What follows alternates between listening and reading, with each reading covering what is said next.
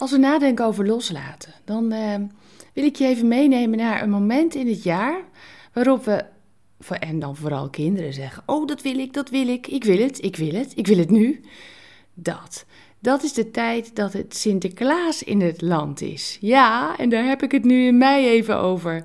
Want ik moet eraan denken, tegen de tijd dat Sinterklaas in het land was, begonnen mijn boys wat hebberig te worden. Dat wil ik, dat wil ik, weet je wel zo. De boekjes met speelgoed waren als een bijbel voor ze. Elke avond opnieuw keken ze erin en het verlangen dat te krijgen wat ze wilden, groeide.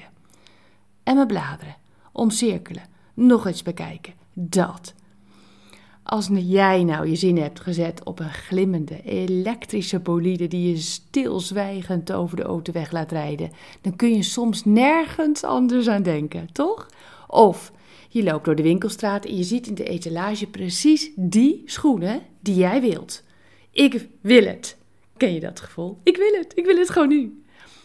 Loslaten is eigenlijk vooral lastig als het gaat om iets wat ons verlangen te pakken heeft. Hoe laat je dat dan weer los?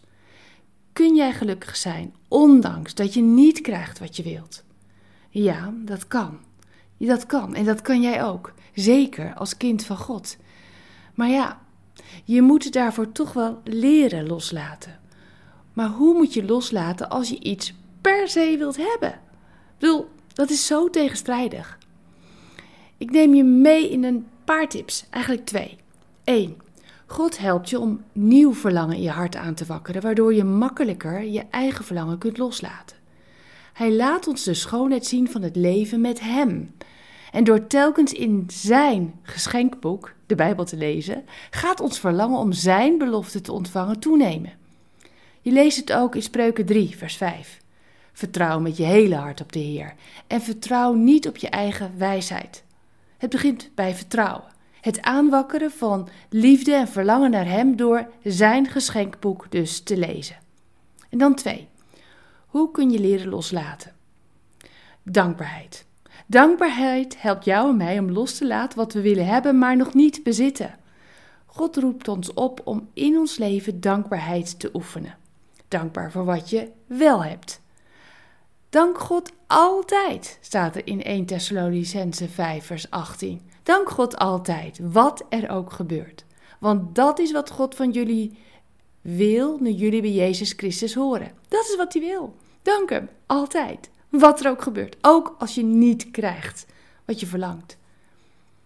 Zullen we samen bidden?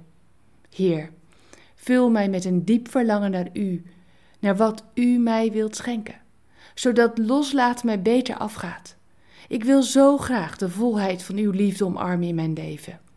Want weet, ik weet het, Uw genade is mij gewoon genoeg. Echt genoeg. In Jezus' naam. Amen. Bedankt voor het luisteren naar Ik Wonder Jou. Hebben de woorden je hart geraakt en de teksten je geïnspireerd? Gun ook anderen Ik Wonder Jou. Meld ze aan bij www.ikwonderjou.nl. Ik ben zo blij dat je bestaat.